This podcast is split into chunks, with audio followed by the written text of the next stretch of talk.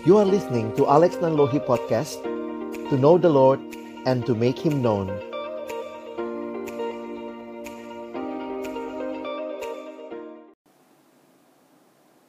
Baik teman-teman, selamat sore semuanya, Shalom.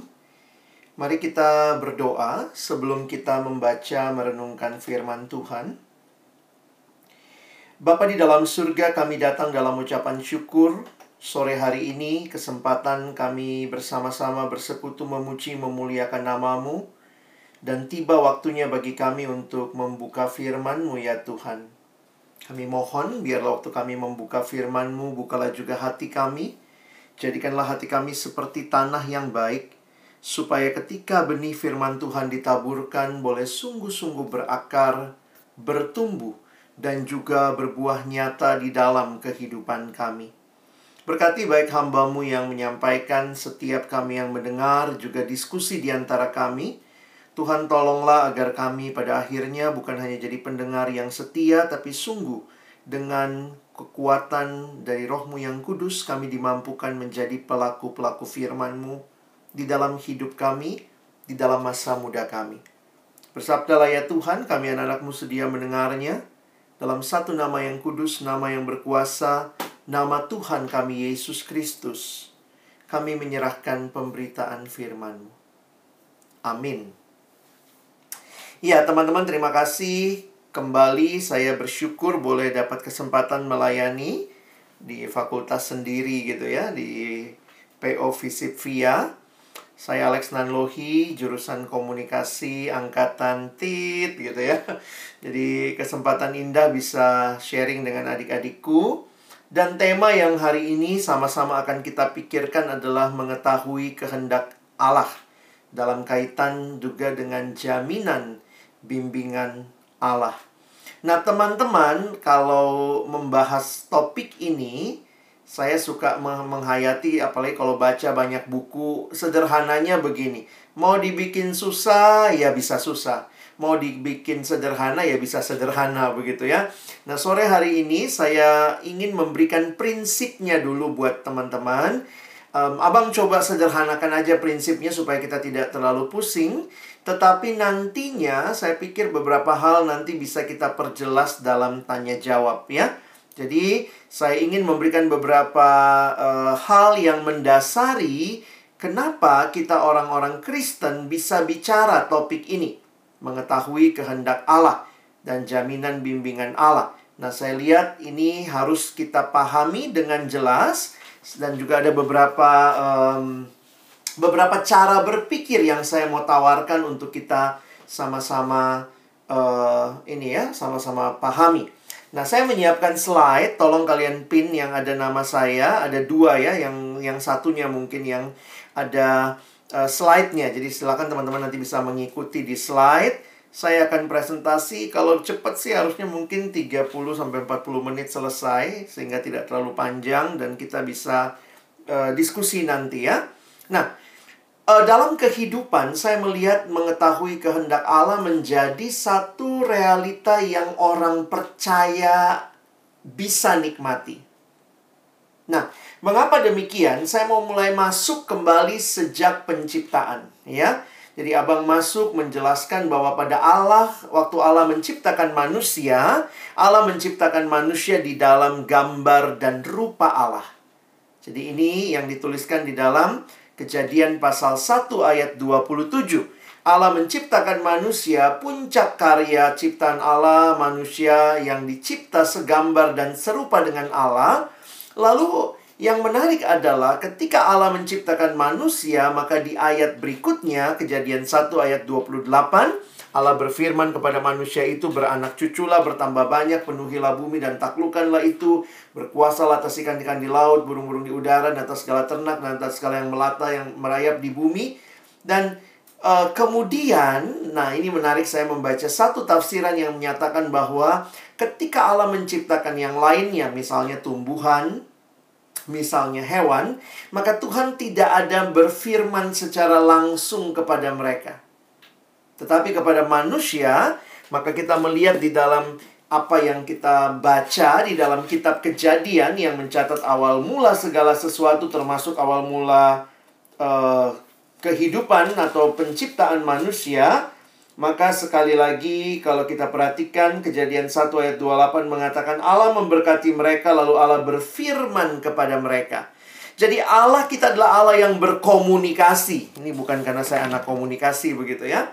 Tapi komunikasi menjadi satu realita yang Allah nyatakan kepada manusia dan komunikasi Allah dengan manusia yang dalam bentuk um, personal ini, abang simpulkan begini bahwa Allah yang menciptakan kita adalah Allah yang rindu memiliki relasi dengan kita, manusia ciptaannya. Nah, karena itu, ketika kita melihat realita ini, saya sering pakai slide ini, kalian bisa lihat. Saya tuliskan ini dikutip dari seorang bernama Nicky Gamble. Salah seorang hamba Tuhan di Inggris, dia mengatakan pria dan wanita diciptakan untuk hidup dalam hubungan dengan Allah. Tanpa hubungan tersebut, akan selalu ada rasa lapar, sebuah kekosongan, dan sebuah perasaan yang hilang. Jadi, mengetahui kehendak Allah di dalam kehidupan kita menjadi sebuah hal yang bisa kita nikmati karena memang Allah mendesain kita untuk punya relasi dengan Dia. Dan Allah yang berelasi dengan kita adalah Allah yang menyatakan kehendaknya bagi kita. Jadi, saya pikir ini sudah menjadi bagian yang sangat nyata di dalam kekristenan sejak penciptaan. Memang dosa membuat manusia menolak Allah, manusia tidak mendengarkan Allah, manusia bahkan membuang Allah, dan kemudian kita melihat bagaimana dosa memisahkan Allah dengan manusia. Tetapi kemudian di dalam Kristus, kita melihat bagaimana Allah berinisiatif kembali menyelamatkan manusia, dan ini membangun kembali relasi yang rusak itu. Jadi, Allah yang berinisiatif di dalam Kristus menyelamatkan kita, mengembalikan kita, membaharui kita di dalam gambarnya dalam uh, Kolose pasal 3 ayat 10 menyatakan itu dan yang menarik adalah jika demikian, maka kita punya kepastian bahwa Allah yang sama yang sudah menciptakan kita waktu kita jatuh dalam dosa, Dia menebus kita dalam Kristus, Allah yang juga rindu membimbing kita. Allah yang juga rindu, yang juga rindu boleh menyatakan kehendaknya bagi kita. Jadi itu keyakinan kita untuk bicara tema yang penting ini. Nah, saya hanya mendasarkannya di dalam bagian firman Tuhan dalam Mazmur pasal 32 atau Mazmur nomor 32 lebih tepat disebut demikian. Mazmur 32 kita akan melihat ayat 8 dan ayat yang ke-9. Memang tidak semua bagiannya kita baca. Teman-teman tolong perhatikan ayat 8 dan 9. Abang tuliskan di screen untuk kita bisa membacanya sehingga tidak usah bolak-balik ke Alkitabnya ya. Coba perhatikan. Aku hendak mengajar dan menunjukkan kepadamu jalan yang harus kau tempuh. Aku hendak memberi nasihat, mataku tertuju kepadamu. Janganlah seperti kuda atau bagal yang tidak berakal, yang kegarangannya harus dikendalikan dengan tali les dan kekang. Kalau tidak, ia tidak akan mendekati engkau. Mazmur 32 kalau kalian perhatikan setelah pemazmur ini dikatakan nyanyian pengajaran, maka setelah pemazmur menikmati dosanya diampuni, itu bagian ayat-ayat yang awal, maka bagian ini bagi saya menarik untuk kita perhatikan. Tentunya di dalam Kristus kita mendapatkan pengampunan yang sempurna dan kita melihat Ayat ini tentunya juga berlaku di dalam konteks kita, anak-anak Tuhan, saat ini. Dikatakan aku hendak mengajar dan menunjukkan kepadamu jalan yang harus kau tempuh. Allah, Allah hendak memberi nasihat dan matanya tertuju kepada kita, umatnya. Nah, teman-teman saya mau kita mulai dulu dengan memahami bahwa sering kali ada perbedaan cara pandang Perbedaan cara pandang ini memang bisa kita pahami ketika kita uh, mencoba menggali asumsi di baliknya. Nah, ini Kalau kita menggunakan istilah, biasanya memang istilah mau tidak mau ada asumsi di baliknya dan mungkin juga itu yang harus kita klarifikasi. Nah, saya sendiri secara pribadi mendapatkan pemahaman ini waktu saya studi dan waktu saya belajar ada hal yang menarik waktu dalam self study saya. Iya ya, ada dua istilah yang menarik yang sebenarnya di balik dua istilah ini ada asumsi di baliknya. Coba lihat. Istilah finding God's will atau knowing God's will. Nah, ini menarik ya. Apakah yang lebih tepat mencari kehendak Allah atau mengetahui kehendak Allah? Wah, kalau kalian mah langsung jawab ya, ya mengetahui lah bang, buktinya temanya siang ini mengetahui begitu ya. Dan saya pikir juga saya sepaham dengan itu. Saya sepaham juga karena itu juga yang menjadi tema kalau kalian baca MHB, di MHB juga Eh, para pembuatnya juga meng menghayatinya yang kedua nampaknya. Nah, kenapa yang kedua ini penting? Bukan berarti yang pertama kayaknya secara teologis pasti ro pasti wrong, tapi poin poin saya adalah asumsi yang sering kali ada di baliknya. Jadi begini, kata finding God's will seolah-olah Tuhan itu kayak lagi Tuhan punya kehendak buat kita, lalu dia lagi nutupin nih dia nutupin dari kita lalu kayaknya kita mesti uh, apa ya dari bawah kita toel toel Tuhan dari bawah Tuhan kasih tahu dong apa kehendakmu ayo dong ayo dong lalu kemudian nanti oh Tuhan kasih tahu jadi kita mesti mencari waktu kita cari nanti lalu kemudian kayaknya nanti Tuhan Tuhan minta kita bujuk-bujuk dia gitu. Ayo dong Tuhan, apa dong kehendakmu? Lihat nih, aku udah lakukan ini, aku udah lakukan ini. Ayo dong kehendakmu apa, kehendakmu apa. Lalu nanti Tuhan nyatakan, nih kehendak saya. Nah, kata finding secara tidak langsung ada asumsi itu di baliknya. Tentu kamu bilang juga, tapi ada juga kok buku rohani pakai kata finding. Iya, no problem juga. Tapi poin saya adalah, sering kali tanpa kita sadari, kita mencuri, mencurigai Allah. Jadi kita berpikir begini, Allah sih punya kehendak buat saya, tapi saya harus berjuang bersusah payah supaya dia kasih tahu kehendaknya kepada saya. Sementara perkataan istilah yang kedua, frase yang kedua, knowing God's will, asumsinya adalah Tuhan punya kehendak buat kita dan Tuhan mau kita mengetahuinya. Knowing is not finding knowing karena memang bisa kita tahu, kira-kira begitu ya. Kalau finding kan kesannya lagi hilang lalu kita cari tahu, seperti itu ya. Nah, ini cuma asumsi aja. Memang saya secara pribadi juga kadang-kadang kalau nyelap-nyelip mulut ngomongnya mencari kehendak Tuhan, mengetahui kehendak Tuhan, tetapi saya berharap setelah kita mengerti poin ini, maka kita melihatnya dalam perspektif yang kedua. Kenapa? Karena ayat yang tadi kita baca, saya sekali lagi mengutip ayat ini, jelas sekali Tuhan hendak mengajar. Tuhan hendak menunjukkan kepadamu jalan yang harus kau tempuh. Tuhan hendak memberi nasihat. Jadi ini bukan sesuatu yang teman-teman dan saya harus bersusah payah mencarinya seolah-olah Tuhan menutupinya dari kita. Tetapi Tuhan begitu rindu menyatakannya bagi kita. Dan inilah yang menjadi pertanyaan selanjutnya buat kita, ya. Nah, saya coba melihatnya begini teman-teman ya. Di dalam Alkitab Abang tuliskan begini, ada hal-hal yang jelas yang Allah telah nyatakan sebagai kehendaknya dalam firman-Nya. Jadi sebenarnya kalau kita bicara mengetahui kehendak Allah ya baca Alkitab. Kan Allah menyatakan dirinya kehendaknya di dalam firman-Nya dan di dalam Alkitab ada banyak ayat-ayat yang sangat jelas menyatakan kehendak Allah. Misalnya Tuhan berkata, "Kuduslah kamu." Itu kan kehendaknya. Sebab aku kudus. Tuhan mau kita kudus.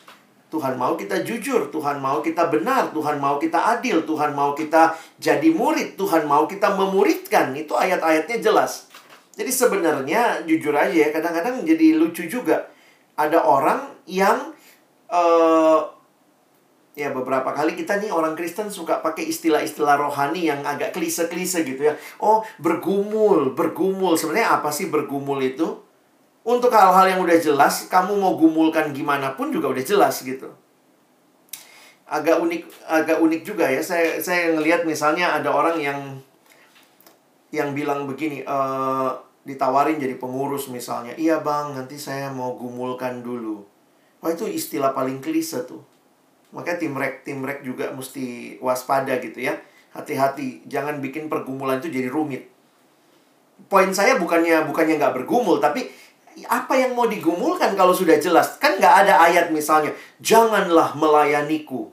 Jadi sebenarnya apa yang dicari dalam pergumulan, aku saya pikir itu yang penting kita hayati.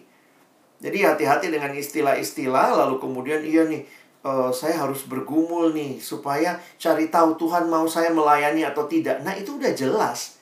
Teman-teman nggak usah bergumul perlu hidup kudus atau tidak. Itu nggak usah digumulkan. Makanya satu waktu dulu waktu pembinaan pengurus tentang masalah ini lalu saya bilang juga waktu itu e, tidak usah gumulkan pelayanan. Mau pada kaget gitu. Ih Bang Alex bilang nggak usah gumulin pelayanan karena saya, udah jelas harus melayani. Yang kita gumulkan nanti ada bagiannya. Pergumulannya bukan bukan di harus melayani atau tidak.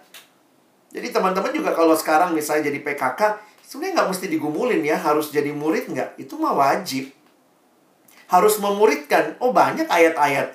Apa yang telah engkau dengar daripadaku di depan banyak saksi, percayakanlah itu kepada orang yang dapat dipercaya, yang juga cakap mengajar orang lain. 2 Timotius 2 ayat 2. Ayatnya udah jelas. Jadi poin saya adalah sebenarnya untuk hal-hal yang jelas, nggak mesti buang waktu menggumulkan. Itu kadang-kadang buang waktunya orang ini ya, pengurus dulu saya ingat gitu. Uh, kamu jadi pengurus ya deh iya bang saya gumulkan dulu.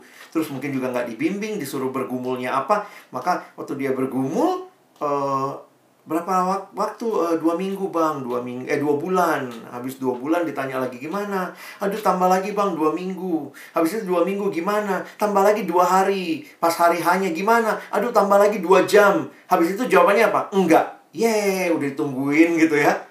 Jadi kadang-kadang saya pikir hati-hati kita mempermainkan pelayanan dengan mau menggumulkan hal-hal yang sudah jelas. Mungkin yang kita nikmati waktu kita bergumul atau kita membaca kembali Alkitab, ayat-ayat itu meneguhkan kita. Iya ya, memang Tuhan panggil buat melayani kok. Tuhan panggil saya jadi garam dan terang. Itu hal-hal yang sangat-sangat-sangat jelas. Jadi harap tidak merohanikan hal-hal yang sudah jelas. Tidak ada kan yang tadi pagi bergumul sungguh-sungguh hari ini napas atau tidak.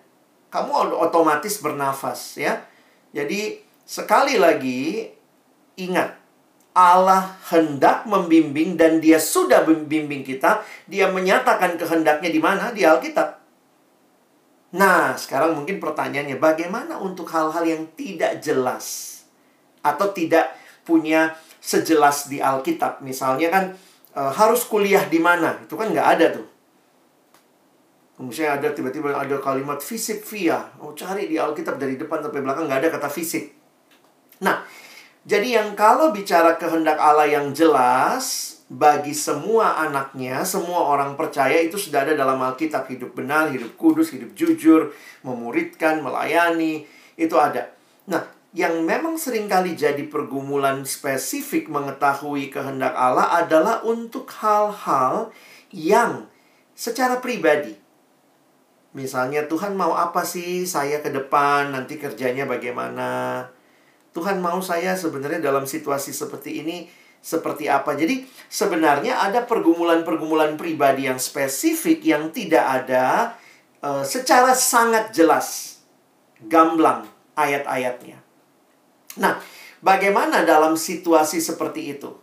Saya tetap meyakini ayat ini bahwa Allah sorry, Allah hendak mengajar dan menunjukkan jalan. Jadi Allah yang sama yang memberikan kejelasan dalam banyak hal yang sudah dia nyatakan, dia juga Allah yang sama yang akan menuntun kita dalam hal-hal yang mungkin tidak sejelas yang kita pikirkan atau tidak sejelas yang Alkitab nyatakan bagi kita. Karena itu pertanyaannya bagaimana respon kita. Nah, di sinilah secara sederhana saya mau ambil ayat 9-nya. Di dalam ayat 9, Mazmur 32 dikatakan, Janganlah seperti kuda atau bagal yang tidak berakal. Pertama kali waktu abang ngerti ayat ini gitu ya, mikir-mikir gitu. Maksudnya apa sih?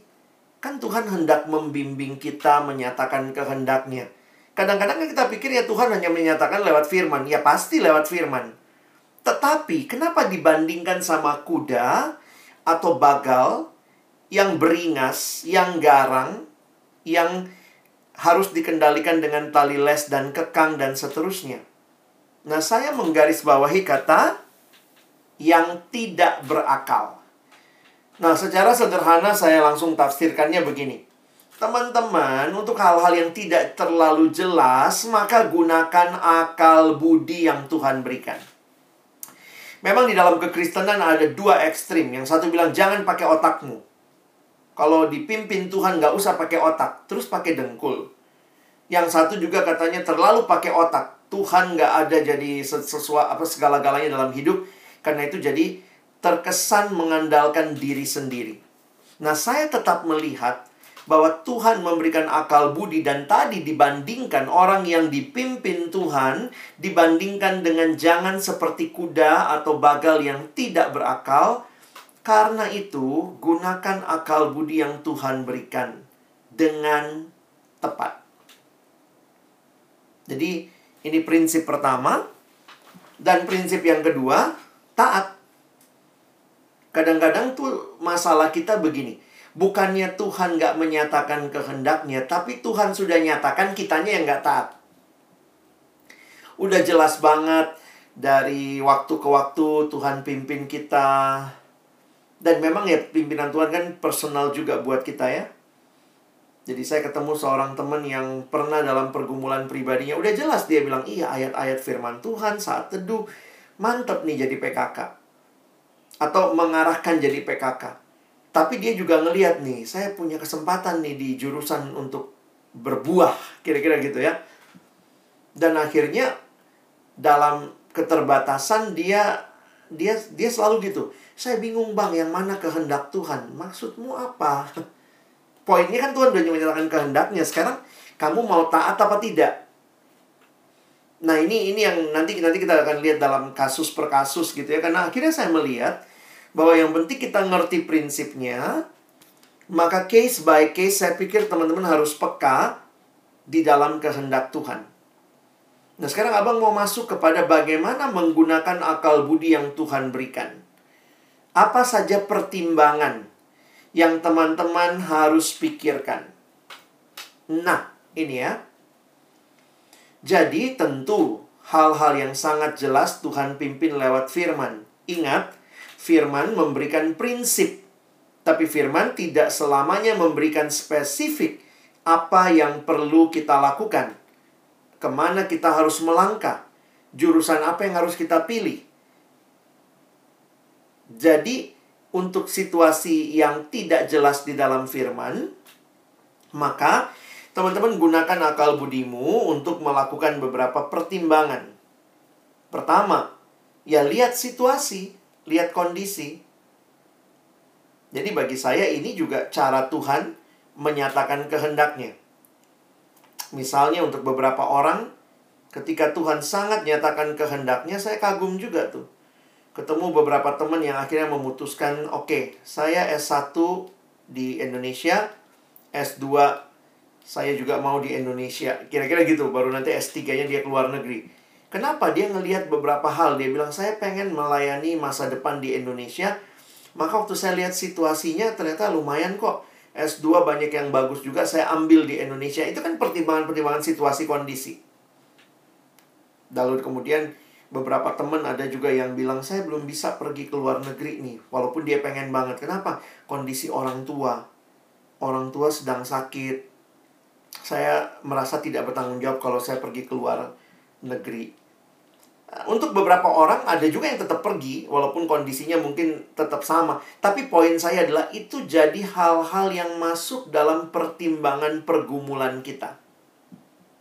Tentang situasi, tentang kondisi yang um, jadi gini, kita mesti paparkan lalu kemudian nanti kita coba uji, kita lihat di hadapan Tuhan sebenarnya bagaimana melihat kondisi ini.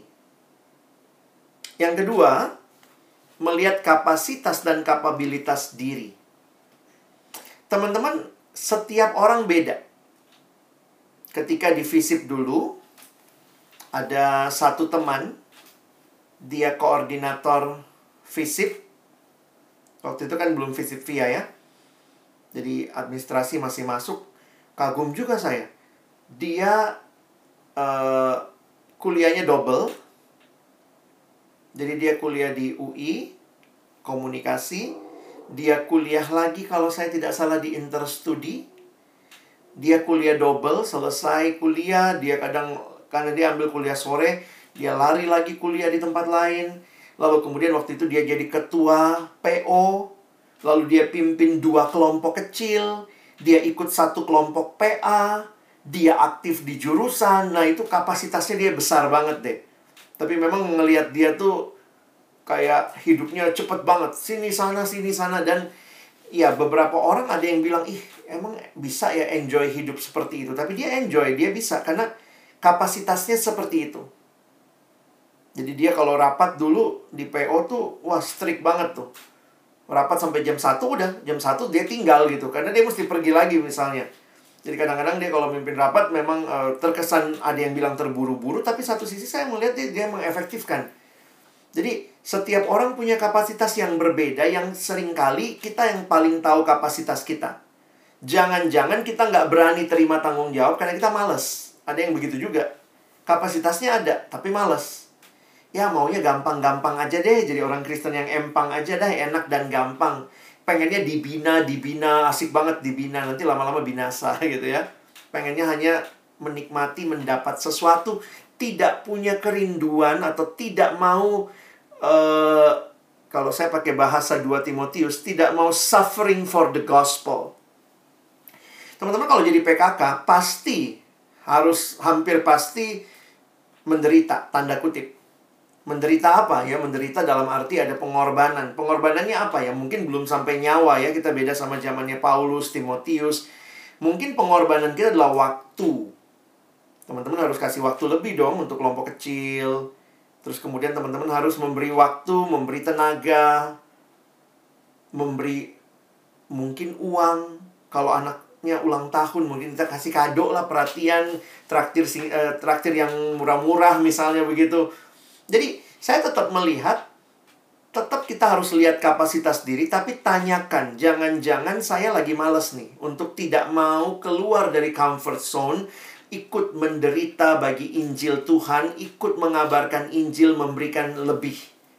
Dan untuk beberapa orang sering kali ketika dia punya apa ya dia berani ambil komitmen itu dia berani men-stretch men uh, capacity-nya itu Tuhan berkati dengan luar biasa juga. Jadi jujur aja dalam pengalaman pelayanan sekian puluh tahun saya melihat bahwa uh, ada orang-orang yang menangkap dengan jelas melihat panggilan Tuhan, melihat diri dan kemudian maju. Luar biasa. Salah satunya teman kelompok kecil saya sendiri. Ketika semester awal dia masuk, itu IP-nya maaf ya, uh, koma tapi setelah dia bertobat sungguh-sungguh, kira-kira semester 2, sebenarnya itu di Natal PO ya. Jadi waktu dia dia ikut Natal waktu itu dia masih amburadul banget. Dia tapi ya gitu ada ada orang-orang yang Tuhan izinkan melihat dia waktu itu dan sabar sama dia. Lalu kemudian jadinya kami jadi satu kelompok kecil dan waktu itu dia berubah banget hidupnya. Dan waktu dia berubah, dia stretch capacity-nya itu luar biasa. Dia aktif di jurusan, dia mimpin kelompok kecil, kami satu kelompok PA waktu itu, dia koordinator juga sebelum saya dan sesudah itu dia bikin tight schedule sekali. Dia bikin pembagian waktu yang sangat bertanggung jawab, sangat luar biasa dan alhasil semester 3 atau ya semester 3-nya di tengah kepadatan yang luar biasa, IP-nya ya ini sorry ya saya bicara IP ya dalam arti saya melihat itu yang menjadi hasil dia menarik kapasitas diri IP-nya itu tiga setengah ke atas. Jadi sekali lagi saya harus mengatakan hati-hati jangan sampai kita tidak kenal diri atau tidak menarik diri untuk berani memberi lebih, berkorban lebih, Bahkan kalau itu dibutuhkan untuk pekerjaan Tuhan. Kenapa? karena apa yang teman-teman tabur sekarang itu kamu tuai ke depan. Maksud saya begini. Kalau kamu sejak mahasiswa terlatih, melatih diri untuk memberi diri melayani orang lain. Saya pikir kalau kita anak-anak ilmu sosial ya kan diharapkan berperan dalam masyarakat, jadi berkat bagi masyarakat. Saya pikir di mana dilatihnya, bukan di kuliah kita. Seringkali di kuliah nggak terlalu melatih selain dapat ilmu teori tapi di PO.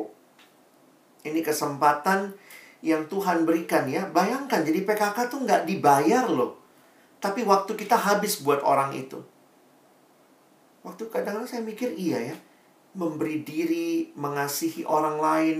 Kita udah kasihi dia nggak berubah juga. Tetap aja bandel kadang-kadang satu dua semester. Tapi ada cara Tuhan yang indah untuk membentuk kita dan membentuk dia. Makanya saya menikmati waktu saya mimpin kelompok kecil teman-teman. Bukan cuma saya bentuk orang lain. Paling banyak sayanya dibentuk Tuhan melalui adik-adik yang saya pimpin. Saya memberi waktu mendoakan mereka. Dulu isi doa saya adalah tentang Alex Alex dan Alex. Alex paling banter Alex dan keluarga Alex tapi ketika saya memimpin kelompok Tuhan taruh orang-orang tuh di hati saya, saya mulai mendoakan mereka. Sehingga waktu satu waktu saya pernah bilang sama teman saya waktu kami sharing antar gembala ya, sharing para PKK di FISIP, saya bilang saya berterima kasih sama Tuhan.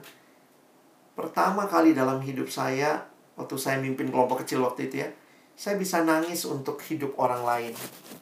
Selama ini, kalaupun saya nangis, paling nangis untuk hidup saya di uh, ya abang langsung kasih contoh-contoh ya. Jadi lihat dirimu tapi jangan bandingkan sama orang lain. Setiap orang punya kapasitas kapabilitas masing-masing tapi jangan sampai terjebak di zona nyaman. Oke? Okay? Lalu yang berikutnya ya minta nasihat pertimbangan dari orang Kristen yang lebih dewasa rohani. Ya kalau mau belajar renang, cari yang jago renang atau yang sudah pernah berenang atau udah bisa berenang. Nah, mungkin saya melihatnya begitu. Coba cari abang kakak, PKKmu mungkin yang mau berjuang buat kamu. Kenapa sih dia mau ya? Bisa bisa tanya tuh.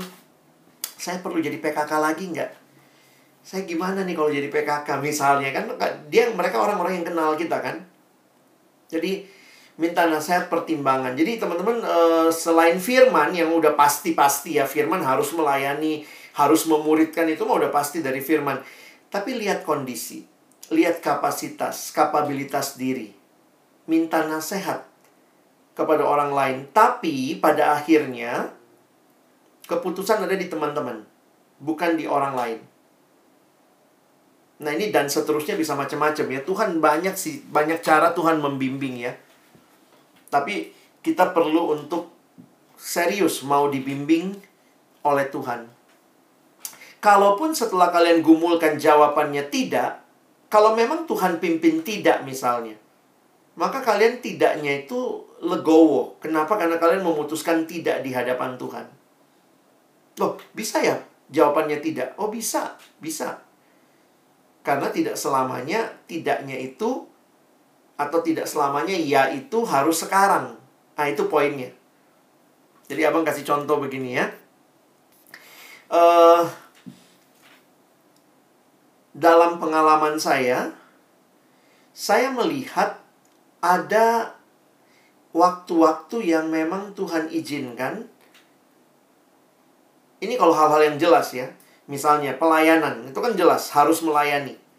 Tapi kemudian waktu kita masuk kepada pergumulannya, melayani di mana? Saya pikir itu yang digumulkan kan? Nah, jadi kalian bisa sekarang saya coba masuk ke lebih contohnya ya.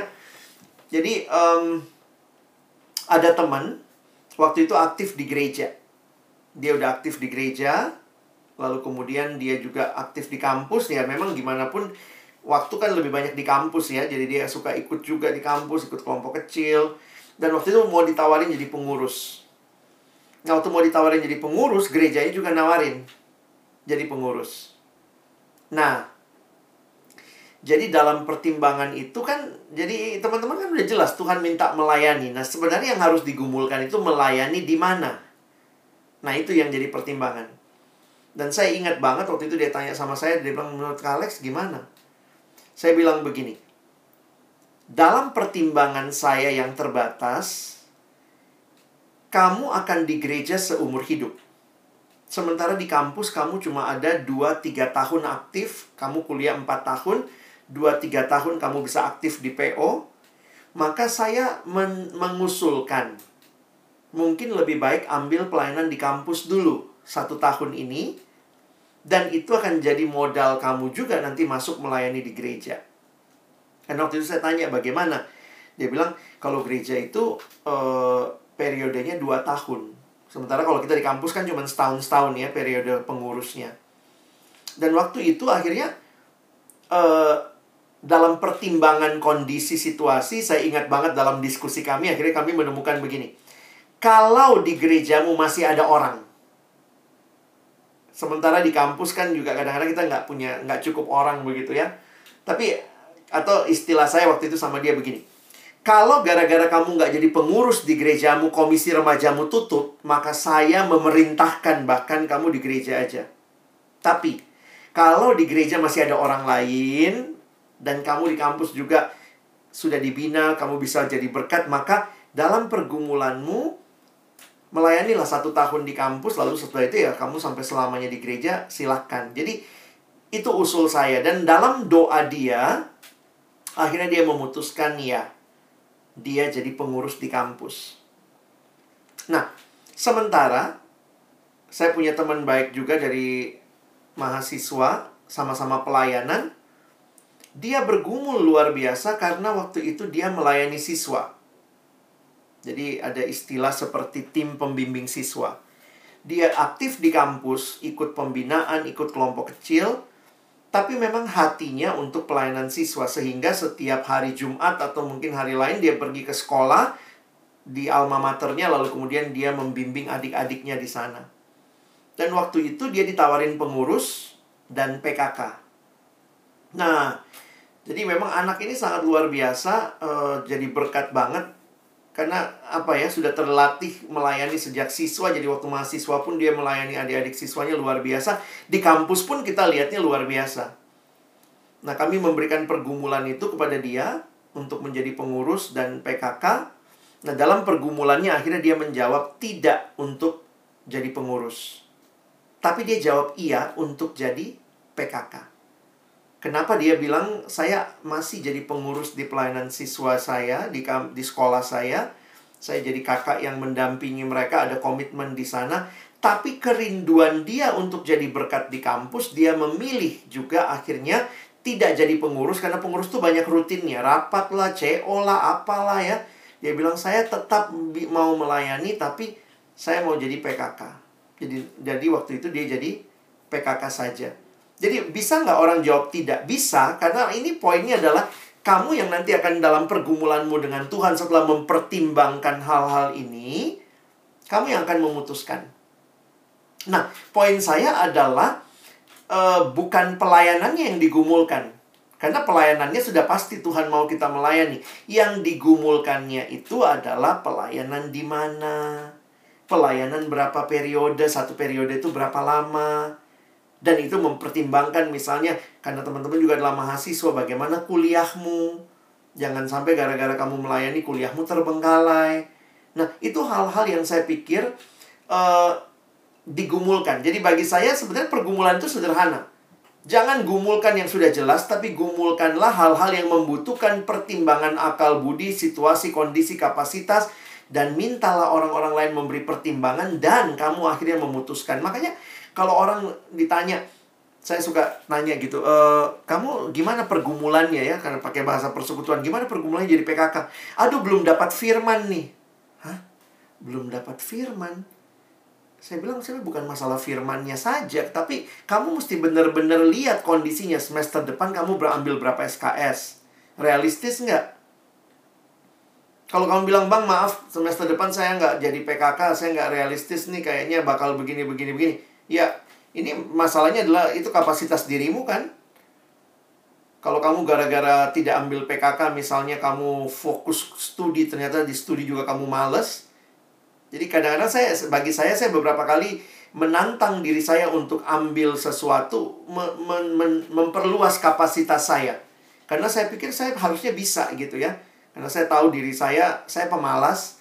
Kalau saya tidak ambil pelayanan ini, saya lebih malas. Kira-kira begitu ya. Jadi kadang-kadang saya berpikir, Tuhan terima kasih.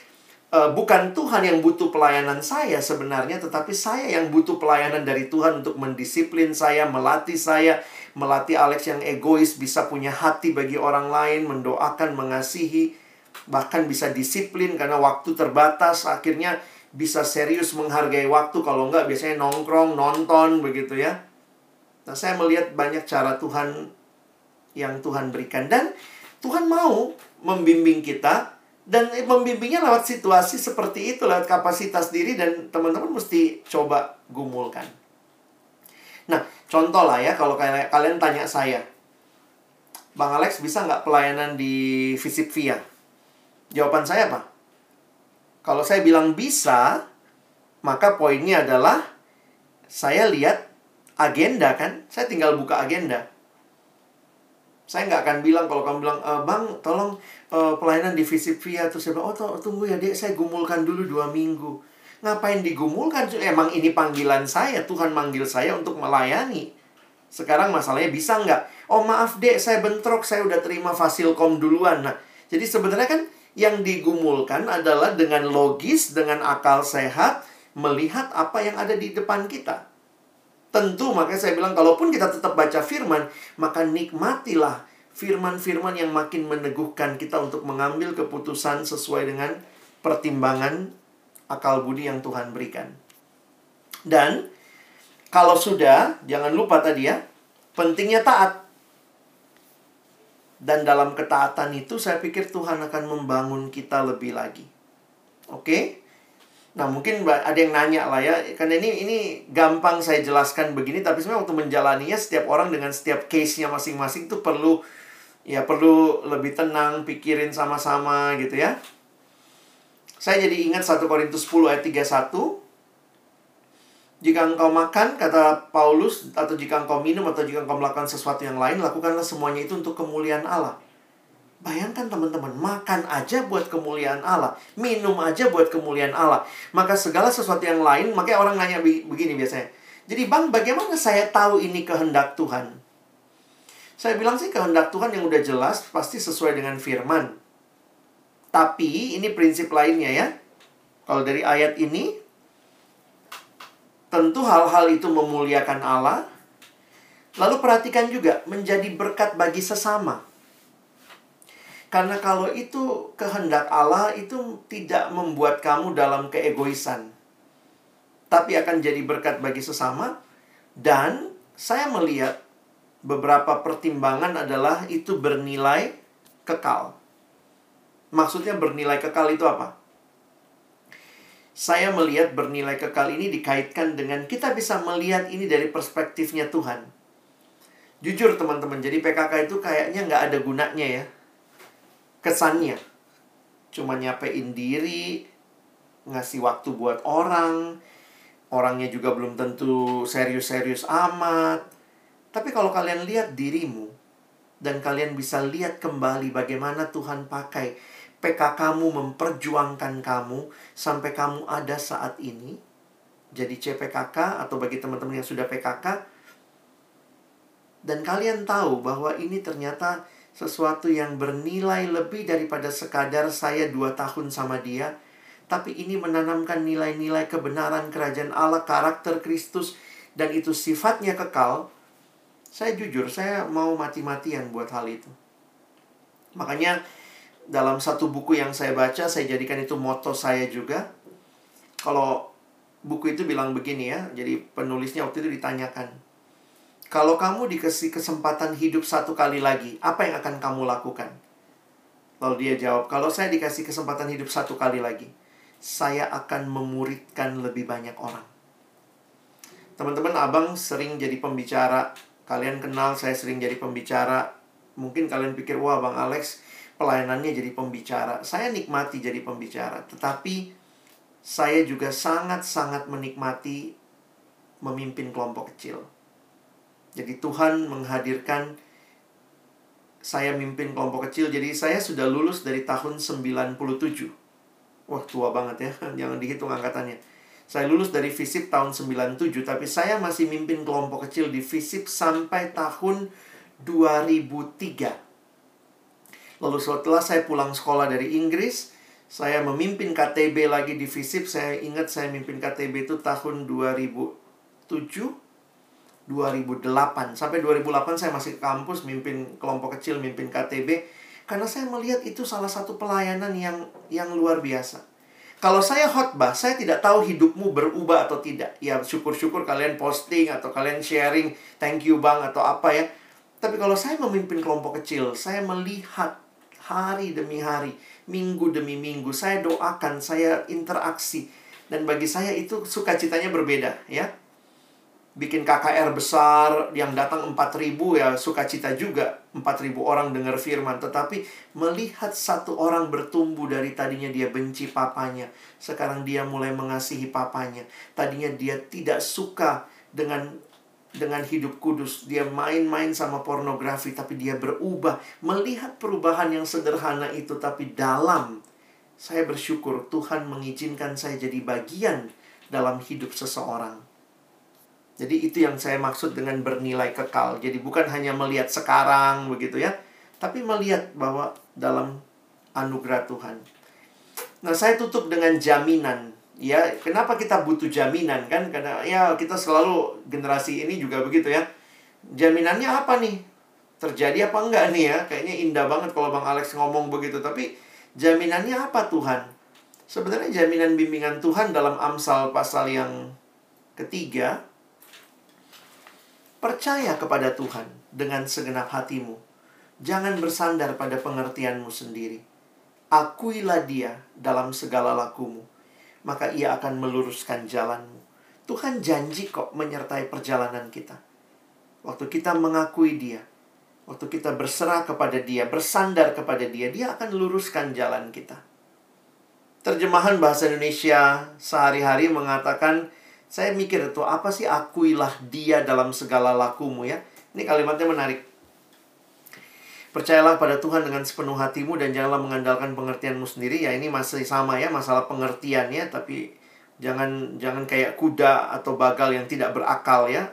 Andalkan Tuhan melalui pemikiran yang kita uji. Maka ayat 6, akuilah dikatakan ingatlah pada Tuhan dalam segala sesuatu yang kau lakukan maka ia akan menunjukkan kepadamu cara hidup yang baik. Teman-teman, kita mau hidup kita benar-benar menggenapkan rencana Allah. Maka libatkanlah Tuhan, dipimpinlah oleh Tuhan. Serahkan dirimu dalam komunitas anak-anak Tuhan kamu dan saya berjalan bersama-sama menggenapkan rencana Tuhan. Saya harap ini menolong kalian memberikan wawasan untuk berpikir, bergumul dengan jelas. Kalian tahu yang namanya pergumulan itu apa? Kalau bagi saya akhirnya pergumulan ya saya coba tulis-tulis tuh. Situasinya kayak apa ya? Kondisinya kayak apa ya? Nanti gimana nih kalau begini? Nah kadang-kadang gitu ya, saya takut nih. Gimana nih semester depan 22 SKS nih? Ah, PKK saya juga dulu sibuk banget, dia asisten dosen lagi. Saya tanya sama dia, Gimana bang waktu itu? Terus dia cerita dong, oh saya 22 SKS-nya, tapi saya harus ini, saya setia ini, saya bagi waktu dengan baik. Jadi akhirnya itu yang digumulkan. Cari info, cari orang-orang untuk me, apa ya meminta pendapat dan akhirnya saya memutuskan. Jadi kalau orang selalu ada juga yang bilang ini, kalau dia bergumul tuh dia nggak mau diganggu, Hah? nggak mau diganggu. Terus nanti saya dapatnya dari Firman. Hati-hati kamu bukannya pede itu ya, tapi itu nekat nanti jadinya. Harusnya keterbukaan jangan seperti kuda atau bagal yang tidak berakal, tapi libatkanlah Tuhan dengan ingat komunitas Tuhan yang dia berikan di sekitar kita. Oke, saya berhenti dulu, sorry jadi panjang karena sekalian saya masuk contoh-contoh ya. Silakan kalau ada teman-teman yang mau bertanya, abang persilakan.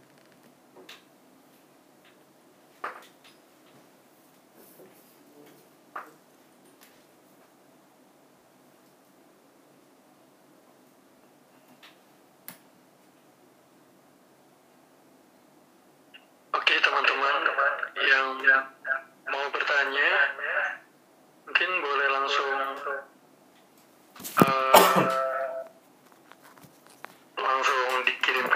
chat atau lewat kakak-kakak pendamping atau teman-teman juga boleh langsung uh, ngobrol di unmute mikrofonnya dipersilakan teman-teman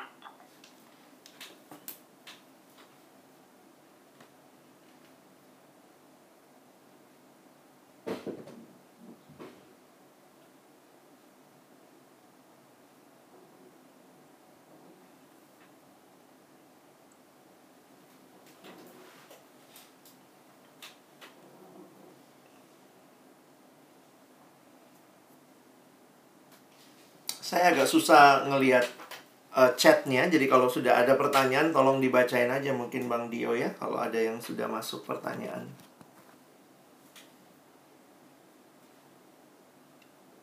Tuh, Tri bilang langsung nanya aja, nggak usah chatting-chatting kayak orang susah katanya. Silakan.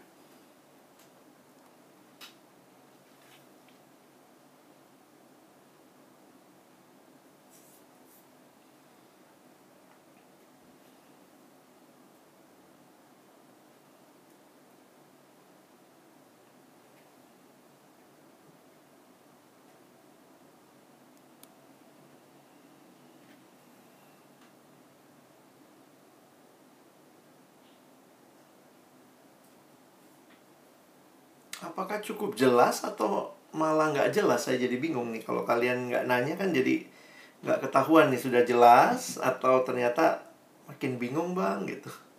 Daniel jelas ya? Oke. Yang lain gimana?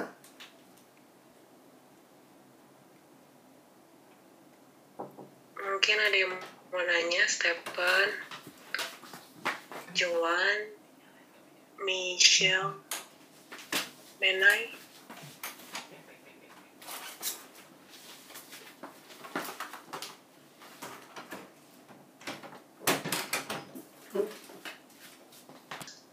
halo Agung gimana dek Uh, iya bang, aku mau tanya, Hmm. uh, kira-kira uh, misalnya kalau kita punya pergumulan Hmm. uh, kayak uh, mungkin apakah ini masuk dalam pergumulan kapasitas ya?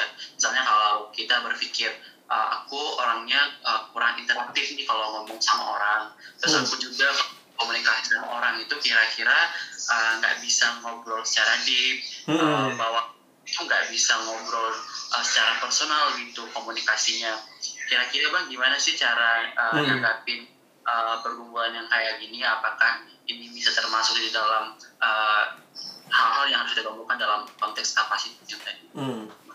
Itu pergumulan dengan kapasitas diri ya. Makanya tadi saya kasih contohnya lebih kepada begini kali ya.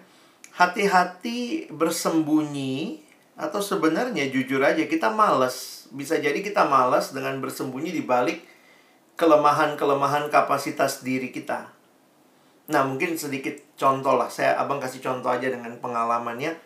Teman-teman, believe it or not, saya itu bukan tipe orang yang gampang deep sama orang. Awalnya. Jadi, waduh, saya bingung banget gitu ya. Eh, karena saya sebenarnya punya personality yang kelihatan di luar terbuka, tapi sebenarnya saya cukup tertutup dengan hal-hal pribadi. Jadi, waktu memimpin kelompok kecil atau sebenarnya waktu ikut kelompok kecil itu salah satu yang saya takut itu adalah orang mau tahu hidup pribadi kita. Jadi waktu dibimbing di kelompok kecil saya belajar terbuka tuh bagi saya belajar itu karena nggak gampang buat saya it's not easy for me to be open. Tapi yang kedua eh, waktu saya memimpin kelompok kecil, saya tuh menantang diri saya. Karena jujur aja saya bukan tipe yang gampang deket sama orang dan segala macam pada awalnya. Karena apa ya, eh, saya terbiasa sebagai anak nomor dua, ada kan sindrom anak kedua tuh lebih mandiri, nggak butuh orang lain. Jadi ya ada apa-apa ya diselesain sendiri, dipikirin sendiri begitu. Jadi itu kayak kebawa juga. Makanya kelompok kecil itu awalnya is a burden for me. Why we need to be open to others gitu ya terus dia bisa nolong apa sih buat hidup gua kadang-kadang gitu tuh buat saya awal-awalnya nggak mudah nah waktu memimpin pun akhirnya nah waktu memimpin memang saya ngelihatnya kapasitasnya saya seneng ngajar jadi jujur aja waktu saya dikasih kesempatan eh, ditawarin jadi PKK saya pikir ih saya seneng juga ya bisa ngajarin orang. Tapi kan ternyata kelompok kecil juga ada masalah itu ya. Membangun uh, komunikasi. Karena kita tidak hanya peduli orang ini ngerti pengajaran Alkitab, tapi bagaimana kita masuk mengontak dia, mendoakan dia gitu. Jadi teman-teman, awal-awalnya saya tuh sampai belajar cara komunikasi. Saya inget banget tuh ya waktu saya pimpin adik kelompok kecil dan zaman dulu kan belum ada WA, belum ada baru ada telepon rumah, belum ada HP itu ya. Saya inget banget itu kalau ngontak adik kelompok kecil, nah teman-teman bisa bayangkan dulu dulu dulu telepon umum se-UI itu hanya ada di tiga fakultas, di Fakultas Hukum, di FISIP, sama di Sastra. Di Sastra di FIB ya. Jadi saya ingat tuh kalau besoknya mau kelompok kecil, saya itu memang sudah bikin komitmen besok mau kelompok kecil, maka hari malamnya itu saya saya walaupun kita udah janjian, malamnya saya telepon tuh AKK. Nah teleponnya ke mana ya anak kos saya jalan tuh dari barel situ jalan ke kampus, nelfon di kampus bawa koin begitu ya. Kadang-kadang nunggu karena itu yang ngantri banyak gitu ya. Jadi apa yang saya lakukan teman-teman saya sampai nulis tuh nulis pertanyaan pertama apa jadi saya ingat tuh pertanyaan pertama halo selamat malam lagi apa oh habis makan bang terus kemudian uh, pertanyaan kedua misalnya uh, apa jadi kan nggak mau langsung eh jangan lupa besok datang ya gitu. Tapi kan maunya basa-basi dulu gitu ya. Nah saya belajar tuh. Saya ingat banget satu waktu saya udah nanya gitu. Terus saya tanya lagi terus dia bilang kan udah tadi bang dijawab. Oh iya saya ternyata nomor pertanyaannya saya kena ngurutin begitu ya. Nah maksudnya uh, tidak ada hal yang tidak bisa dipelajari ketika kamu dapat visi ini penting diperjuangkan maka kamu akan berjuang mengalahkan kapasitas dirimu untuk bisa memberi yang lebih baik. Tentu kamu mungkin tidak sebaik orang lain yang sangat natural dalam bangun relasi. Tapi bukan berarti kamu nggak bisa. Saya ingat teman kelompok kecil saya, dia nggak bisa nyanyi. Dan waktu itu dia kebingungan waktu mau jadi PKK karena suaranya dia nadanya sama semua, do semua. Yesus itulah satu-satunya penolongku yang sungguh. Jadi dia tuh bergumul banget. Dia bilang, gue dalam banyak hal no problem. Kecuali dalam hal nyanyi. Ntar kelompok kecil pakai nyanyi pula gitu ya. Tapi dia akhirnya mengambil keputusan ini dan dia bawa tape kecil. Saya ingat banget tuh, dia bawa tape kecil. Zaman itu kan belum ada HP, ada musik. Dia bawa tape kecil, yuk teman-teman kita nyanyi ya. Terus dia puterin tuh, tuh lagu. Maksudnya ya dari situ saya melihat selalu ada cara ya Agung ya untuk bisa memberi kepada visi yang kita tangkap Tuhan mau saya memuridkan saya bagaimana tidak tidak melihat kapasitas diri saya sebagai penghalang, tapi justru saya berjuang untuk belajar. Begitu kali contohnya. Terima kasih. Terima kasih Bang Alex. Apakah ada yang lain?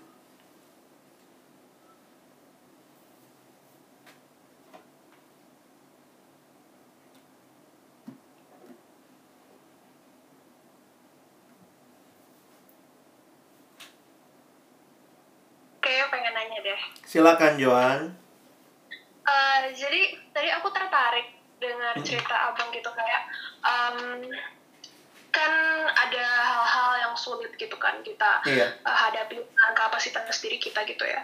Cuman kayak setiap PKK itu pasti punya cerita masing-masing untuk kayak bagaimana dia akhirnya menempuh batas dirinya gitu kayak apa yang yeah. perjuangan dilakukan untuk berubah gitu. Kayak tadi aku penasaran gitu bang. Uh, apa yang abang lakukan untuk kayak bisa jadi kayak gitu. Kayak maksudnya tadi abang udah kasih contoh sih dalam hmm, hal hmm. komunikasi gitu. Tapi kayak apakah ada contoh-contoh pengalaman lain yang kayak hmm. boleh dibagikan terus jujur satu lagi aku lupa pertanyaannya tapi kayak nanti hmm. deh bang. Oke okay, thank you dek. Iya. Um, aku aku bilangnya tadi ya bahwa memang uh, setiap kita punya kesulitan. Jadi sebenarnya paling tidak kita tahu kesulitan kita lalu kita atasi kalau saya kan kesulitannya untuk membangun percakapan yang normal gitu. Yang yang awalnya makanya saya sampai tulis pertanyaannya. Teman saya punya kesulitan dengan nyanyi, dia bawa tape gitu ya. Nah, cuma saya melihatnya gini loh, yang menggerakkan kenapa sampai mau berjuang itu sebenarnya visi.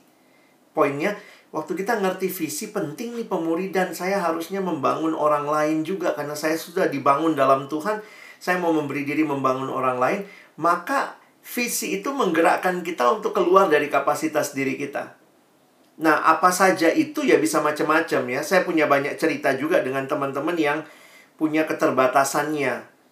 Keterbatasannya ada yang kayak tadi ya, kayak saya mungkin berkomunikasinya awal-awalnya agak sulit. Beberapa teman ada yang takut banget. Jadi waktu itu kami kan persiapan PKK ditanyain apa yang kalian takutkan. Takut banget kalau anak kelompok kecilnya nanya dia nggak bisa jawab.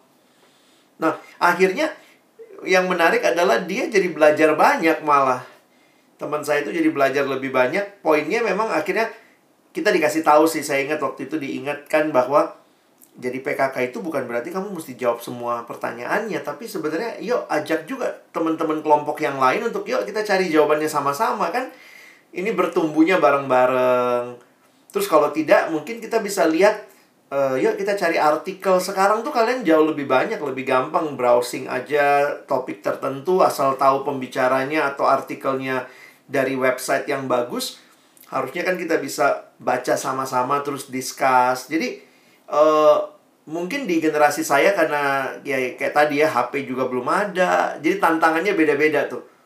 Jadi saya lihat uh, untuk keluar dari diri kita, ya mungkin mirip lah ya kayak zaman saya kan kuliah itu kami ngetik pakai mesin ketik nggak kayak kalian gitu ya. Saya ingat saya di tahun ketiga atau kedua lah baru tugas-tugas itu mulai pakai komputer. Saya tuh masa-masa peralihan yang mesin ketik itu anak fisik tuh ketahuan loh. Saya kan anak, anak kosan. Dan kosan saya dulu gede tuh 40 kamar.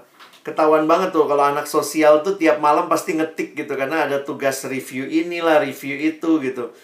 Waktu itu saya mikir-mikir juga gitu kalau kayak kalian kan misalnya udah ngetik sesuatu nggak nggak bisa kan tinggal dihapus mundur gitu ya delete backspace gitu. Zaman saya nggak bisa.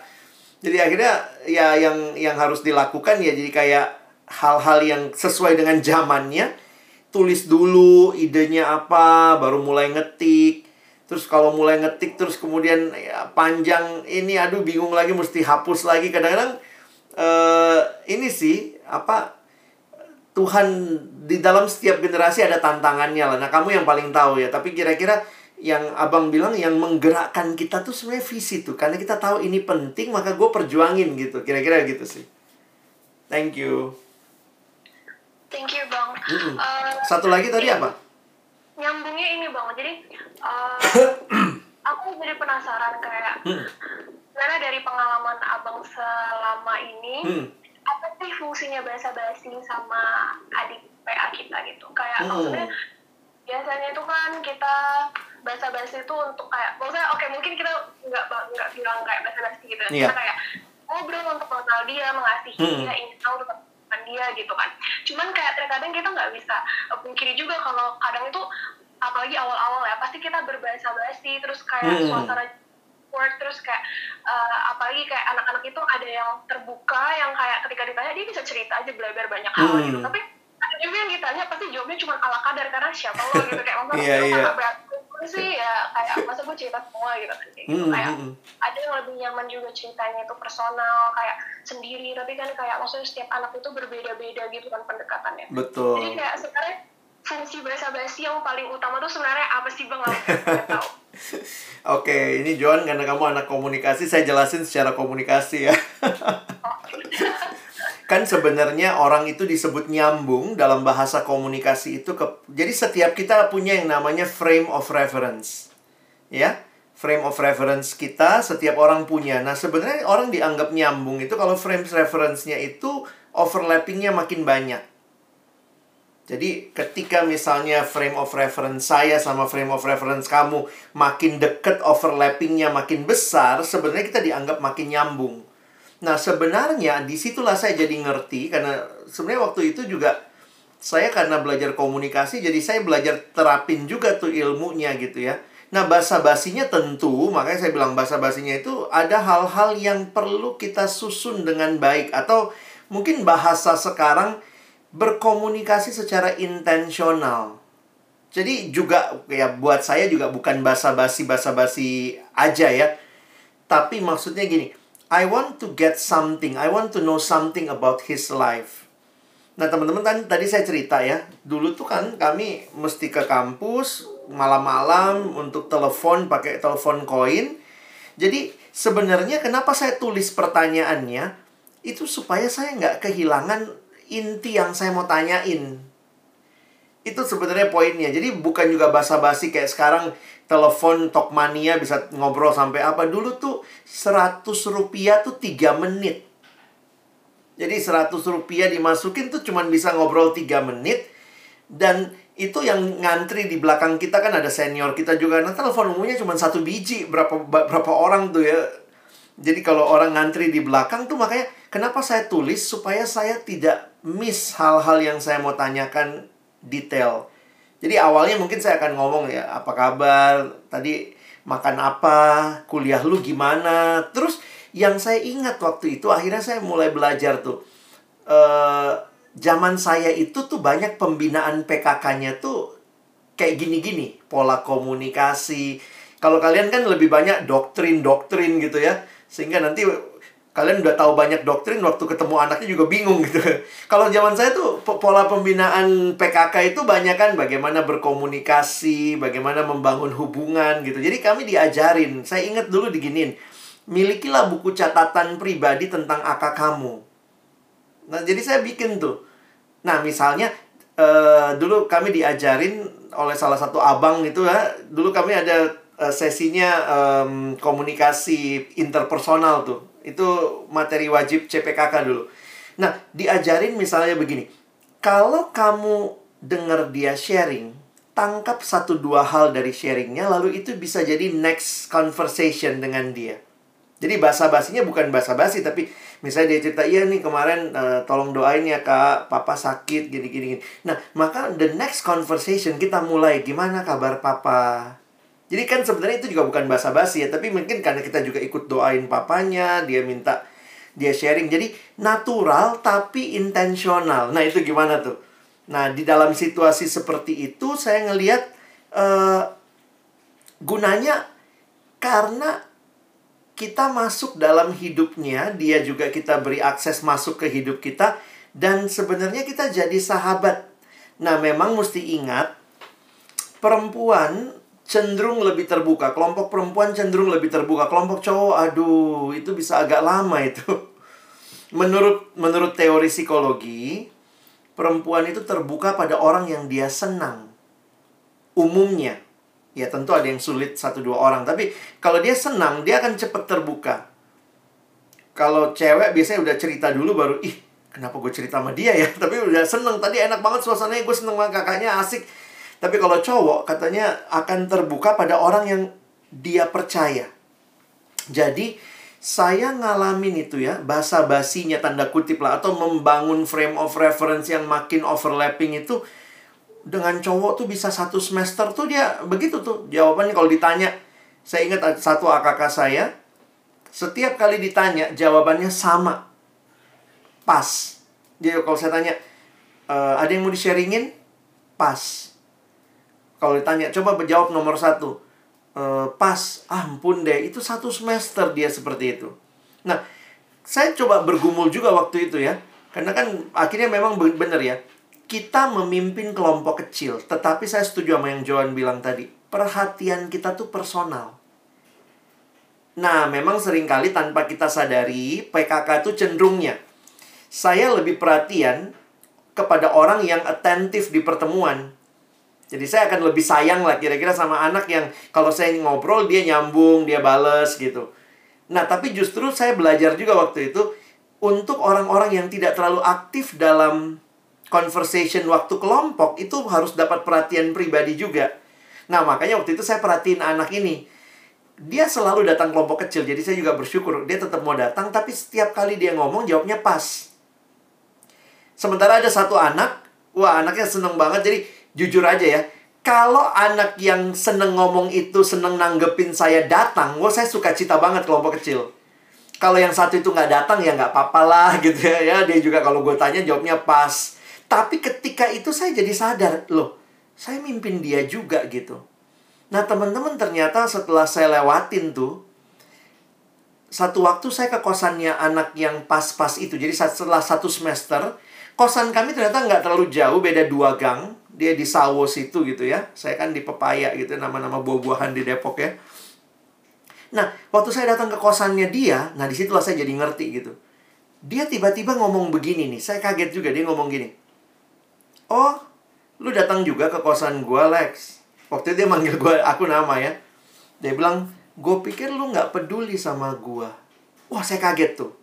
Karena dia ternyata adalah anak kosan, orang tuanya di Surabaya, dan dia di kosan juga mungkin pernah sakit dan apa, nggak ada yang perhatiin. Kita jadi teman kelompok kecil yang cuman perhatian waktu kelompok doang.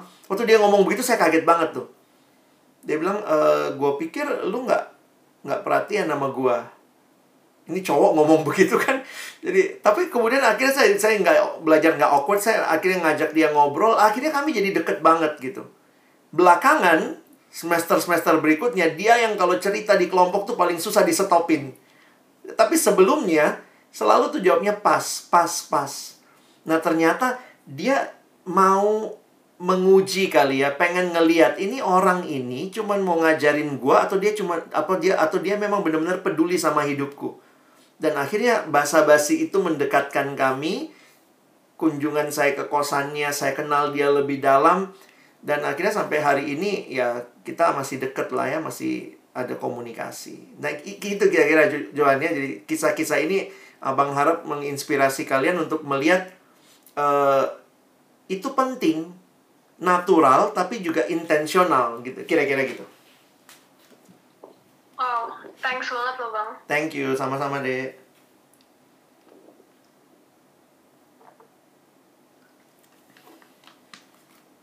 Ada lagi kah?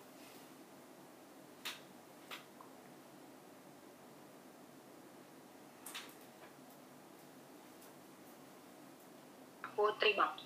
Halo Tri. Uh, aku ada pertanyaan Bang tadi uh, terlintas tentang uh, kapabilitas yang tadi Abang singgung. Nah, apa deh apa? Apa kita? kapabilitas bang apa oh kapabilitas oh ya kapasitas lah kapasitas kapabilitas, kapasitas ya itu jadi uh, tadi kan kita lebih bahas kapasitas diri yang apa ya mungkin secara akademis kah waktu kah dan lain hmm, sebagainya hmm, hmm.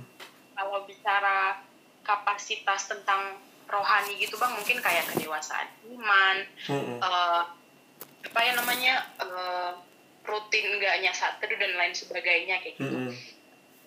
Kalau uh, pertimbangannya itu bagaimana ya bang? Misal ada aja Nah, dulu juga aku kadang suka ada pikiran gini kayak ketakutan, kekhawatiran kayak aduh, gimana ya nanti kalau misalnya anak aku itu lebih hmm. dewa dari gue istilahnya gitu atau hmm. aku bahkan nggak akan jadi uh, teladan buat dia kayaknya nggak uh, bisa deh sekarang aku untuk jadi PKK atau gimana gimana ya bang menanggapi. Hmm kasih. Makasih, Dek.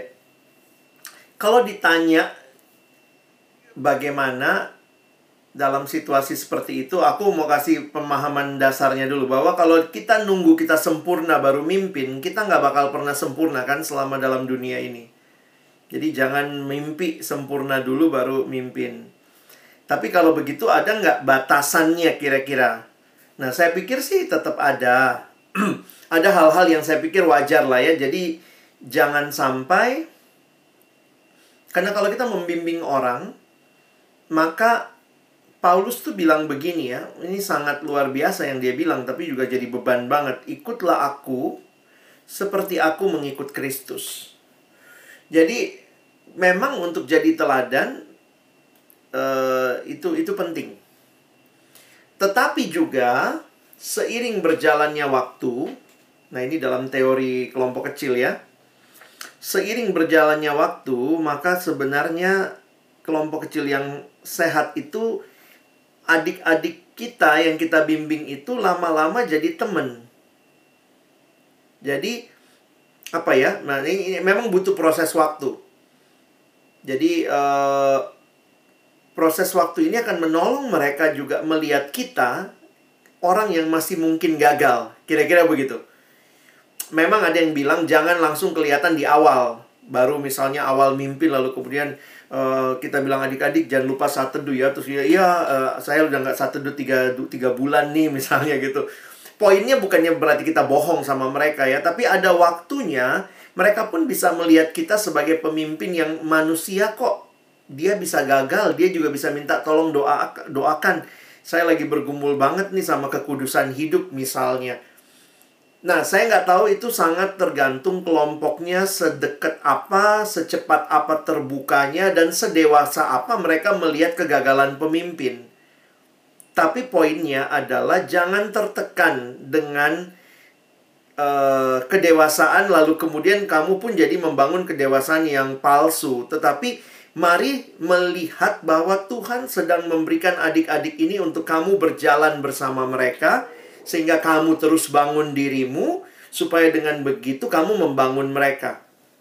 Jadi akhirnya saya bukan memenuhi standar minimal supaya saya terlihat baik, tetapi saya sedang berjuang dengan standar-standar yang minimal saat teduh dengan rutin, melayani dengan kasih yang tulus, terus belajar jujur, terus jaga hidup kudus. Semua itu saya lakukan dalam rangka mau menemani mereka berjalan dan membangun kerohanian mereka. Jadi memang ada selalu ada rasa-rasa seperti itu, tapi bagi saya sebenarnya um, biarlah kita jadi ingat kita tidak sedang membangun kerohanian yang palsu dengan menunjukkan kita rohani padahal sebenarnya kita sendiri juga harusnya membangun diri, kita pun masih bergumul begitu. Jadi kalaupun satu waktu ya Tuhan memberikan orang yang lebih dewasa rohani jadi adik kelompok kecil KTB kita, sebenarnya kan itu bisa jadi teman bertumbuh. Ya, ini ini mungkin dalam pembahasan lain ya, tapi ada kalau lihat sederhananya beginilah. Dulu saya takut banget AKK saya lebih tua dari saya. Karena saya sebenarnya agak cepat memimpin ya, karena saya sudah dilayani di siswa, Waktu saya masuk FISIP, saya sudah diminta memimpin kelompok kecil di semester 3. Jadi semester 1, 2 saya di kampus, semester 3 saya udah diminta jadi pemimpin kelompok kecil. Nah, waktu saya jadi pemimpin kelompok kecil, nah saya takut juga tuh dapat yang lebih tua. Karena kan kalau cuma beda seangkatan bisa jadi umurnya sama atau kalau misalnya dia juga nggak dapat uh, SPMB atau apa kan berarti nah benar saya dapat satu adik kelompok kecil lebih tua beberapa bulan dari saya. Nah, waktu itu kemudian yang menghibur saya adalah begini. Uh, Tuhan Yesus juga lebih muda loh dari murid-muridnya. Walaupun saya sadar saya bukan Tuhan Yesus ya. Tapi sadarnya gitu, Ih, Tuhan Yesus itu lebih muda loh. Ingat loh, Petrus lebih tua dari Yesus. Yesus kan umurnya 30-an. Kalau kalian pelajari, maka kemungkinan yang muda murid Yesus paling Yohanes sama beberapa yang lain, tapi hampir pasti yang lain itu lebih tua dari Yesus.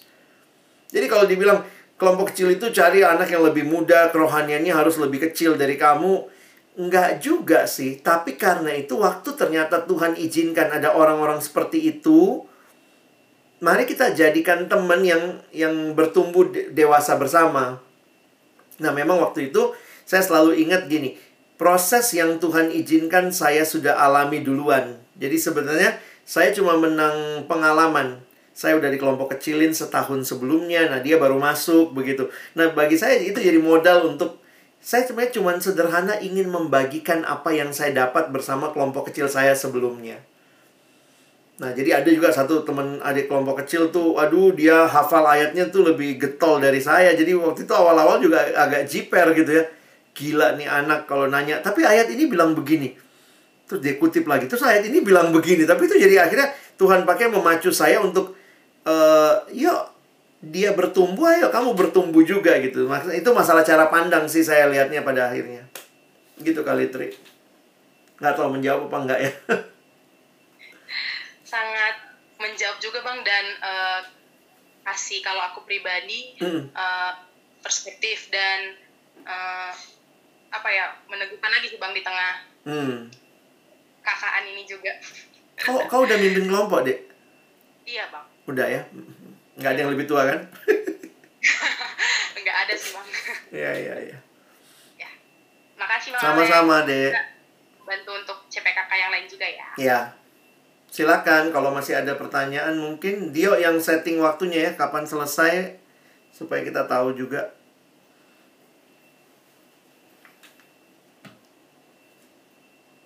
Lagi bang? Boleh Gung, silakan. Oke, silakan Agung.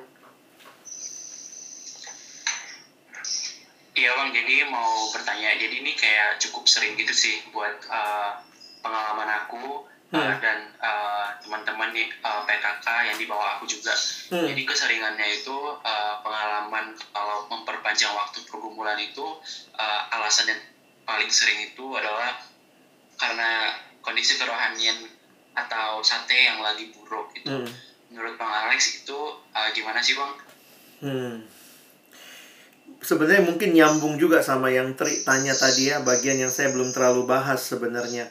Um, saya menyadarinya begini ya, kerohanian itu sesuatu. Oke, okay, saya ulangi ya, saya sudah ngomong, taunya saya belum unmute. Baik, ini mungkin nyambung sama yang Tri bilang tadi juga ya, yang saya sebenarnya belum jawab soal kerohanian diukurnya dari mana. Nah biasanya kan kita ngukurnya dari hubungan pribadi dengan Tuhan. Nah, memang saya harus katakan sebenarnya kita harus melihat kerohanian itu sebagai sebuah perjalanan ketimbang sebuah pencapaian. Dan di dalam perjalanan itu sebenarnya ada naik turun juga.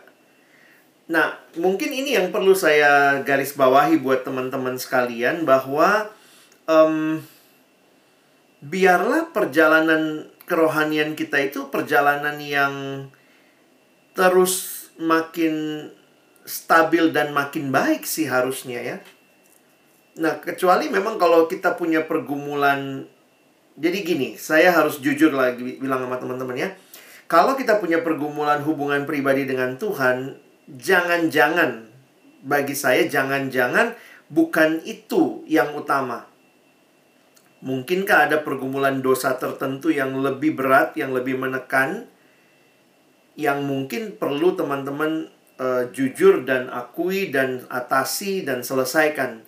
Karena beberapa kali saya menghayati atau menemukan ini masalahnya bukan cuma nggak saat teduh, HPDT-nya lagi buruk, tapi apa yang menyebabkan HPDT-nya buruk? Nah, eh, kerohanian kita dalam pelayanan sering kali memang tanpa sadar seolah-olah ya kayak saing-saingan gitu ya karena kayaknya itu ditanyain mau CO ditanya gimana HPDT-nya mau jadi PKK gimana HPDT-nya mau jadi pengurus ditanya bagaimana HPDT-nya jadi sebenarnya itu bisa jadi klise juga akhirnya kalau kita nggak menempatkan dengan tepat sebenarnya HPDT itu adalah sebuah perjalanan kamu sama Tuhan yang ketika kamu mungkin punya pengalaman atau pergumulan yang lain bisa membuat kamu malu sama Tuhan. Jadi waktu dia malu sama Tuhan akhirnya malah saat teduh. Malu untuk saat teduh lagi, malu bangun relasi sama Tuhan. Jadi saya harus katakan seharusnya sih hubungan pribadimu dengan Tuhan makin stabil. Stabil saya pakai istilahnya ketimbang uh, tidak bolong. Karena tidak bolong kalau juga ternyata tidak dinikmati itu jadi situasi yang lain lagi saya pikir ya. Nah, jadi um, karena itu mari kita jujur sama diri kita. Dan kalau memang ternyata lagi tidak punya relasi yang uh, lagi nggak lagi terganggu maka uh, poin saya adalah pastikan aja kamu mau dibimbing apa tidak. Mungkin saya pikir di sini jadi tugas lebihnya untuk tim regenerasi ya. Jadi misalnya tim regenerasi ketika bertanya lalu kemudian dijawabnya iya nih lagi jelek HPDT-nya. Poinnya adalah kita gali sama-sama kenapa HPDT-nya lagi jelek lalu coba melihat uh, ditolonglah melihat lebih lebih luas Sebenarnya kalau kalian punya jurnal saat teduh itu juga bagus ya. Misalnya mencatat satu dua hal yang kamu dapat setiap hari da dari saat teduhmu. Sehingga waktu harus memutuskan, sering kali saya juga jujur mengatakan kan tidak selamanya saat teduh kita lagi on fire terus ya. Tetapi ketika kita harus memutuskan sesuatu dan kemudian dalam pergumulan itu kita lihat lagi catatan-catatan kita waktu Tuhan bicara kepada kita dalam waktu-waktu yang lain itu bisa jadi sesuatu yang meneguhkan kita melangkah ke depan. Jadi um, kerohanian itu agak susah ukur-ukurannya tetapi ada hal-hal yang menunjukkan kira-kira ini kerohaniannya lagi baik apa tidak. Nah, jadi kadang agak susah juga saya mengatakan karena orang yang mungkin Agung bilang tadi ya dia harus mutusin waktu saat teduhnya HPDT-nya bagus. Uh, eh, HPDT yang bagus itu ukurannya apa juga gitu ya. Jadi kadang saya mikir uh, lebih baik kalau dia bersedia dibimbing maka dia memutuskan sekarang walaupun mungkin HPDT-nya nggak bagus-bagus amat tapi dia tahu bahwa ini bukan situasi yang seharusnya sehingga ke depan dia mau dibimbing terus untuk maju. Jadi jangan juga gara-gara HPDT buruk kalau tidak terima pelayanan, jangan-jangan kamu lagi bersembunyi dan itu itu bisa jadi membuat HPDT-mu lebih buruk lagi. Kira-kira gitu kali ya gimana cara ngomongnya?